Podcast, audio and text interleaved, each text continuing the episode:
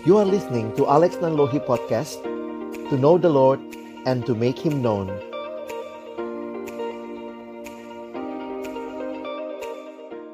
Mari kita berdoa sebelum kita membaca merenungkan firman Tuhan. Kami bersyukur kepadamu ya Tuhan untuk cinta kasih dan anugerahmu di dalam hidup kami. Terima kasih hari ini kami boleh bersama-sama kembali merayakan Paskah, kebangkitan Kristus, kemenangan yang sejati yang Kristus bawa, dan itu memberikan kehidupan yang baru bagi kami. Kami akan membuka firman-Mu ya Tuhan, karena itu bukalah juga hati kami. Jadikanlah hati kami seperti tanah yang baik, supaya ketika benih firman Tuhan ditaburkan boleh sungguh-sungguh berakar, bertumbuh, dan juga berbuah nyata di dalam kehidupan kami. Berkati hambamu yang menyampaikan dan setiap kami yang mendengar. Tuhan tolonglah kami semua. Agar kami bukan hanya jadi pendengar-pendengar firman yang setia. Tapi mampukan dengan kuasa pertolongan dari rohmu yang kudus. Kami dimampukan menjadi pelaku-pelaku firmanmu di dalam hidup kami. Di dalam masa muda kami. Bersabdalah ya Tuhan kami anak-anakmu sedia mendengarnya. Di dalam satu nama yang kudus, nama yang berkuasa, nama Tuhan kami Yesus Kristus. Kami menyerahkan pemberitaan firman-Mu. Amin.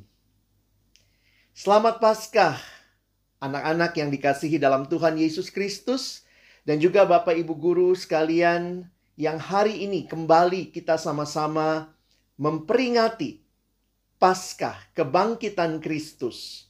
Dan inilah yang menjadi iman kita.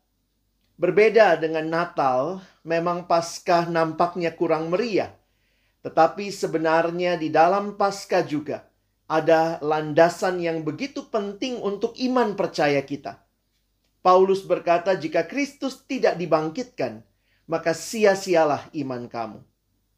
Semua pendiri agama punya hari kelahiran. Semua pendiri agama punya hari kematian. Tapi hanya Kristus yang punya hari kebangkitan. Sebab dia hidup. Ada pengharapan bagi kita. Pengharapan di tengah situasi yang sulit. Seperti pandemi yang sedang kita alami. Saya mengajak kita sama-sama akan membaca firman Tuhan di dalam kitab Roma pasal yang ke-6 Kitab Roma pasal yang ke-6 ayat 9 sampai dengan ayatnya yang ke-11. Karena kita tahu bahwa Kristus sesudah ia bangkit dari antara orang mati tidak mati lagi. Maut tidak berkuasa lagi atas dia. Sebab kematiannya adalah kematian terhadap dosa satu kali dan untuk selama-lamanya dan kehidupannya adalah kehidupan bagi Allah. Demikianlah hendaknya kamu memandangnya bahwa kamu telah mati bagi dosa, tetapi kamu hidup bagi Allah dalam Kristus Yesus. Kristus yang bangkit memberikan kepada kita satu kehidupan yang baru, hidup yang berbeda dengan kehidupan yang lama, new life yang kita peroleh di dalam Kristus. Apa yang disampaikan di dalam Roma pasal 6 ini menjadi satu pengharapan yang sungguh indah bagi kita yang ada di dalam Kristus. Saya ingin mengajak kita memikirkan dua hal yang Kristus bawa melalui kebangkitannya bagi hidup setiap kita yang percaya. Apa yang Kristus bawa melalui kebangkitannya bagi setiap kita yang percaya. Yang pertama, kebangkitan Yesus memberikan hidup yang baru, yaitu hidup yang mati bagi dosa dan hidup bagi Allah. Sekali lagi, kehidupan yang mati bagi dosa dan hidup bagi Allah. Jika kita melihat apa yang menjadi pergumulan terbesar manusia sepanjang sejarah adalah dosa. Ketika Allah menciptakan manusia dengan begitu indahnya, seharusnya manusia bergantung kepada Allah. Tetapi di dalam dosa manusia berontak kepada Allah dan menjadi penguasa atas kehidupannya bukan lagi tunduk kepada kehendak Allah. Sin, how do you spell sin? Satu kutip kutipan menyatakan sin is the I in the center. Akulah yang paling utama, akulah segala-galanya. Tidak heran di dalam Alkitab dinyatakan bahwa dosa itu membelenggu begitu rupa. Paulus di dalam kitab Roma mempersonifikasi dosa. Dosa digambarkan seperti tuan yang sedang memperbudak. Sehingga mereka yang hidup di dalam dosa dikatakan hamba dosa. Dosa membelenggu. Ada orang-orang yang dibelenggu dengan kehidupan yang tidak berkenan kepada Allah. Ada yang dibelenggu oleh narkoba, ada yang dibelenggu oleh rokok, ada yang dibelenggu oleh uh, minuman keras, oleh judi, dan yang bisa juga membelenggu kita adalah hal-hal yang ada di sekitar kita yang awalnya dengan tujuan yang baik, tetapi begitu kita pakai dengan hal yang tidak semestinya. Contohnya apa? HP ya, handphone. Handphone yang begitu baik diciptakan tentunya untuk mempermudah komunikasi manusia. Tapi dengan handphone, smartphone itu bisa mengikat kita karena di dalamnya kita memakainya untuk hal-hal yang tidak berkenan kepada Tuhan. Mungkin pornografi. Di HP yang sama kita belajar, kita beribadah bahkan tetapi di HP yang sama juga kita jatuh dalam dosa, mengikat kita begitu rupa. Belum lagi generasi yang diikat oleh berbagai hal yang begitu nyaman, begitu nikmat, sehingga sulit membedakan mana keinginan, mana kebutuhan. Saya suka menggambarkan kehidupan dalam dosa. Ketika belenggu itu ada, hal-hal yang baik pun bisa membelenggu kita ketika tidak dipakai seharusnya. Belanja baik tentunya. Tetapi ketika belanja menjadi segala-galanya, kita tidak bisa lagi melihat yang mana keinginan, mana kebutuhan, pokoknya harus beli, harus beli, belanja, maka kau dan saya sudah kecanduan, dibelenggu begitu rupa. Ada orang yang juga dibelenggu oleh film, drama. Tentu tidak salah nonton drama, tidak salah kita menonton film, tentunya yang sesuai dengan umur ya. Tetapi ketika kita tidak bisa lagi menentukan prioritas, mana yang seharusnya kita utamakan, maka kita dibelenggu oleh hiburan itu, oleh tontonan itu, oleh drama yang mungkin begitu mengikat kita. Yang terjadi apa? Tugas utama kita sebagai siswa contohnya adalah belajar tetapi ketika kita tidak bisa lagi melihat tugas utama, tetapi kemudian terus nonton, terus nonton, akhirnya yang terjadi kita dibelenggu. Jadi tidak salah dengan menonton sesuai porsinya, sesuai umur, di waktu yang tepat, bukan waktu belajar kita pakai nonton. Atau bahkan seluruh waktu yang harusnya untuk membuat PR misalnya, kita jadikan waktu untuk menonton. Demikian juga yang dibelenggu oleh game. Game online. Ya tentu tidak salah main game, tetapi ketika game itu menjadi segala-galanya, kita lupa tugas utama kita. Jadi saya melihat kecanduan dikaitkan dengan ketika kita tidak bisa lagi melihat yang mana yang seharusnya jadi prioritas, bahkan hal-hal yang baik yang sebenarnya Tuhan sediakan untuk menghibur kita. Contohnya film, drama, musik, bahkan juga game itu kan bisa menghibur kita. Tetapi kita menjadikan itu sebagai hal utama mengesampingkan hal-hal yang seharusnya jadi prioritas hidup kita. Sehingga di dalam kehidupan yang seperti itu, benar yang Alkitab katakan, dosa membelenggu kehidupan manusia begitu rupa. Di dalam dosa, akibatnya manusia hidup di dalam kegalauan, ketidakpastian, ada perasaan bersalah, ada kekosongan, ada frustasi, dan keterikatan itu sendiri. Karena itu Alkitab dengan jelas mengatakan, upah dosa ialah maut. Roma 6 ayat 23a. Di dalam dosa, maka akhirnya adalah maut. Sin membawa kita kepada hopeless end. Satu kehidupan yang berakhir tanpa pengharapan dan yang ada hanya kebinasaan. Tetapi saudara yang dikasihi Tuhan, 2000 tahun yang lalu, di dalam sejarah kita, Allah mengutus anaknya Yesus Kristus menyelesaikan pergumulan dosa kita. Dia menjadi juru selamat kita. One man change everything.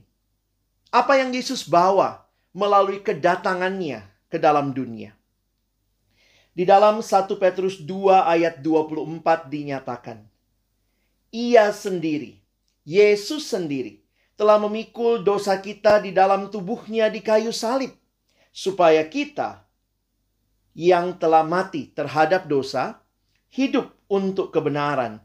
Oleh bilur-bilurnya kamu telah sembuh. Kristus memikul hukuman dosa kita, yaitu maut melalui kematiannya di kayu salib. Salib menunjukkan betapa seriusnya dosa-dosa kita. Namun di salib juga nyata betul kasih Allah yang tiada terukur bagi kita manusia yang berdosa. Dosa telah dikalahkan di kayu salib dan kematian Kristus merupakan dasar pengharapan kita, janji bagi kemenangan kita. Namun dia tidak tinggal mati di dalam kubur. Yesus bangkit dan memberikan kemenangan itu bagi kita. Malaikat itu berkata, "Mengapa kamu mencari Dia yang hidup di antara orang mati? Ia tidak ada di sini. Ia telah bangkit." Tanpa kebangkitan, salib tidak ada artinya apa-apa. Jumat Agung menjadi Jumat yang agung hanya karena ada Minggu Paskah yang memastikan bahwa Kristus yang mati itu dia bangkit dan memberikan kemenangan bagi kita. Dialah kebangkitan dan hidup. Karena itu di dalam Roma 6 tadi, perhatikan bagaimana Paulus menjelaskan apa yang dia alami ketika Kristus bangkit. Perhatikan di Roma 6 ayat 9 tadi dikatakan, karena kita tahu bahwa Kristus sesudah ia bangkit dari antara orang mati tidak mati lagi. Maut tidak berkuasa lagi atas dia. Ini yang Kristus alami. Sebab kematiannya adalah kematian terhadap dosa satu kali dan untuk selama-lamanya. Dan kehidupannya adalah kehidupan bagi Allah. Kristus mati dan Kristus bangkit. Namun bagi setiap kita yang terima Yesus di hati kita, maka perhatikan, kematian Kristus juga jadi kematian kita. Dan kebangkitan Kristus itu juga yang jadi kebangkitan kita. Itulah yang Paulus katakan di dalam ayat yang ke-11. Demikianlah hendaknya kamu memandangnya.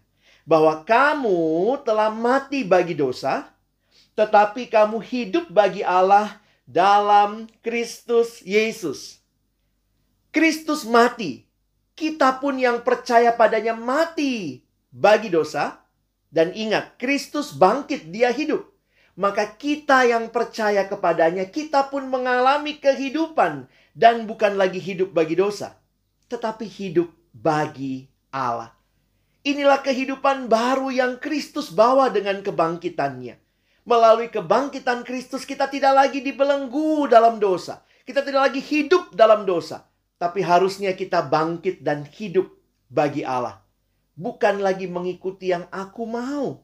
Tetapi mengikuti apa yang Tuhan mau. Sebuah kutipan yang indah menyatakan, The incarnation means he become like us. Inkarnasi ini bicara Natal ketika Yesus Allah yang jadi manusia inkarnasi he become like us. Dia menjadi seperti kita. Tetapi di dalam kebangkitan the resurrection means will become like him. Bahwa kita akan menjadi serupa dengan dia. Kita akan menjadi seperti dia bukan lagi hidup bagi dosa. Tapi hidup bagi Allah. Itulah kehidupan yang dibawa dengan kebangkitan Kristus. Yang kedua, kebangkitan Yesus memberikan kita hidup yang baru dalam hal apa? Kita juga punya hidup yang berpengharapan. Pertama tadi, tidak lagi hidup dalam dosa, tapi hidup bagi Allah. Dan yang kedua, kita hidup berpengharapan. Paskah membawa pengharapan. Secara khusus di tengah situasi yang tidak mudah, pandemi corona yang sudah kita alami lebih dari setahun ini. Banyak orang yang mulai takut akan masa depan, fear of the future. Ada tiga ketakutan yang dituliskan, yang dialami di dalam generasi ini, dalam sebuah artikel yang saya baca. Orang muda generasi ini punya tiga ketakutan utama. Yang pertama, takut gagal. Yang kedua, ketakutan akan kesepian. Dan yang ketiga, ketakutan akan masa depan. Takut gagal, takut kesepian, dan takut akan masa depan. Memang benar Tuhan tidak pernah berjanji hidup tanpa pergumulan. God never promises that we will never face struggles or problems. Tetapi janji Allah, Dia berjalan bersama kita di dalam pergumulan kita. Mengapa hal ini mungkin? Karena Dia bangkit, Dia hidup, dan Kristus yang hidup itu sedang berjalan bersama kita. Engkau dan saya tidak akan pernah takut kesepian karena dia hadir menemani kita di dalam perjalanan hidup ini. Kegagalan bukan akhir segalanya. Kalaupun engkau alami kegagalan, pandang kepada Kristus, bangkit lagi. Dan jangan takut menghadapi masa depan, karena Kristus telah mendahului kita berjalan di masa depan. Pengharapan kita bukan dari manusia. Yesaya berkata dalam Yesaya pasal 2 ayat 22, Jangan berharap pada manusia, sebab ia tidak lebih daripada embusan nafas, dan sebagai apakah ia dapat dianggap. Ada hal menarik yang disampaikan Rasul Petrus di dalam surat 1 Petrus menegaskan tentang kebangkitan Yesus yang membawa pengharapan. 1 Petrus 1 ayat 3 sampai ayat yang keempat. Petrus menyatakan, "Terpujilah Allah dan Bapa Tuhan kita Yesus Kristus, yang karena rahmatnya yang besar telah melahirkan kita kembali oleh kebangkitan Yesus Kristus dari antara orang mati kepada suatu hidup yang penuh pengharapan, untuk menerima suatu bagian yang tidak dapat binasa." Dan yang tidak dapat cemar, dan yang tidak dapat layu, yang tersimpan di sorga bagi kamu. Apa hal yang menarik yang kita lihat di dalam ayat ini? Perhatikan kalimat Petrus ketika dikatakan oleh kebangkitan Yesus Kristus dari antara orang mati, membawa kita kepada suatu hidup yang penuh pengharapan. Mengapa ada pengharapan? Karena Kristus hidup. Di dalam dosa, kehidupan manusia, siklusnya jelas. Lahir, hidup, mati. Itu aja siklus hidup manusia. Lahir, hidup, mati. Tetapi di dalam Kristus kita dijanjikan kebangkitan bersama dia. Sehingga kehidupan yang percaya kepada Kristus tidak berakhir di dalam kematian. Tetapi Kristus yang bangkit memastikan kita yang percaya kepadanya juga akan mengalami kebangkitan. Sehingga buat kita siklus hidupnya lahir, hidup, mati, bangkit. Dan kebangkitan ini memberikan pengharapan bagi kita bahwa tidak ada yang terlalu sulit dan mustahil bagi Allah. Sebab dia hidup, ada hari esok. Sebab dia hidup, Aku tidak gentar. We have a living hope because we have a living Savior. Dan ingatlah, life is a journey. Journey with Jesus, the living Savior. Hidup adalah sebuah perjalanan. Perjalanan yang indah karena kita bersama dengan Yesus, Juru Selamat yang hidup itu. Karena itu Paulus menutup bagian dalam kitab Roma, dia berkata di Roma 15 ayat 13 dalam satu formula berkat yang luar biasa. Semoga Allah, sumber pengharapan, memenuhi kamu dengan segala sukacita dan damai sejahtera dalam iman kamu, supaya oleh kekuatan Roh Kudus kamu berlimpah-limpah dalam pengharapan. Inilah yang Kristus bawa dalam kebangkitannya. Kebangkitannya memastikan kita dapat hidup yang baru. Hidup yang tidak lagi menikmati dosa, tapi hidup bagi Allah dan kehidupan yang bukan di dalam ketiadaan pengharapan, tetapi hidup yang berpengharapan. Dosa hanya membawa kita ke dalam hopeless end. Tetapi Kristus membawa kita menikmati endless hope.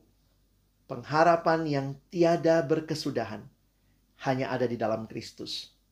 Pandemi begitu mengerikan bagi banyak orang bagi kita yang percaya, kita pun bisa berharap kepada Tuhan bahwa Tuhan melalui pandemi ini mungkin terdampak kepada keluarga kita secara ekonomi, secara finansial, pendidikan kita. Banyak yang struggle belajar dari rumah. Bapak ibu guru juga struggle mengajar.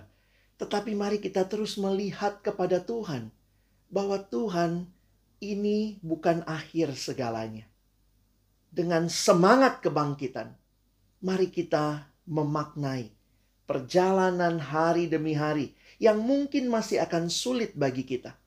Tetapi kita selalu punya semangat dan pengharapan di dalam Kristus.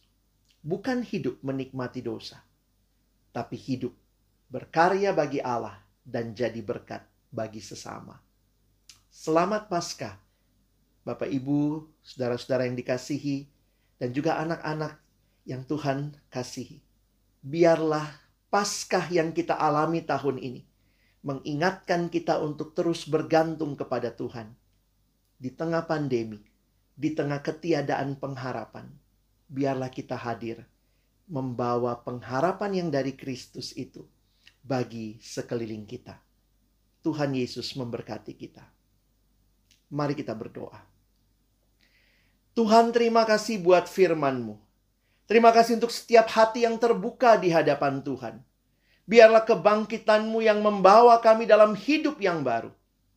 Membuat kami tidak lagi hidup menikmati dosa, tapi hidup bagi Allah. Pengharapan-Mu bukan membuat kami kehilangan pengharapan. Kebangkitan-Mu memberikan pengharapan sejati itu. Untuk kami terus maju melangkah bersama dengan Tuhan. Hari-hari ke depan mungkin tidak mudah, tetapi kami bisa melangkah karena kami tahu ada Yesus yang berjalan bersama dengan kami, mendahului kami untuk masuk ke masa depan yang penuh pengharapan karena Kristus hadir dan Kristus berkuasa. Terima kasih. Tolong kami bukan hanya menikmati hal ini seorang diri, tapi membagikannya bagi orang-orang di sekitar kami supaya mereka pun boleh melihat pengharapan yang sejati di dalam Yesus Kristus. Ini doa ucapan syukur kami. Dalam nama Tuhan Yesus kami berdoa. Amin.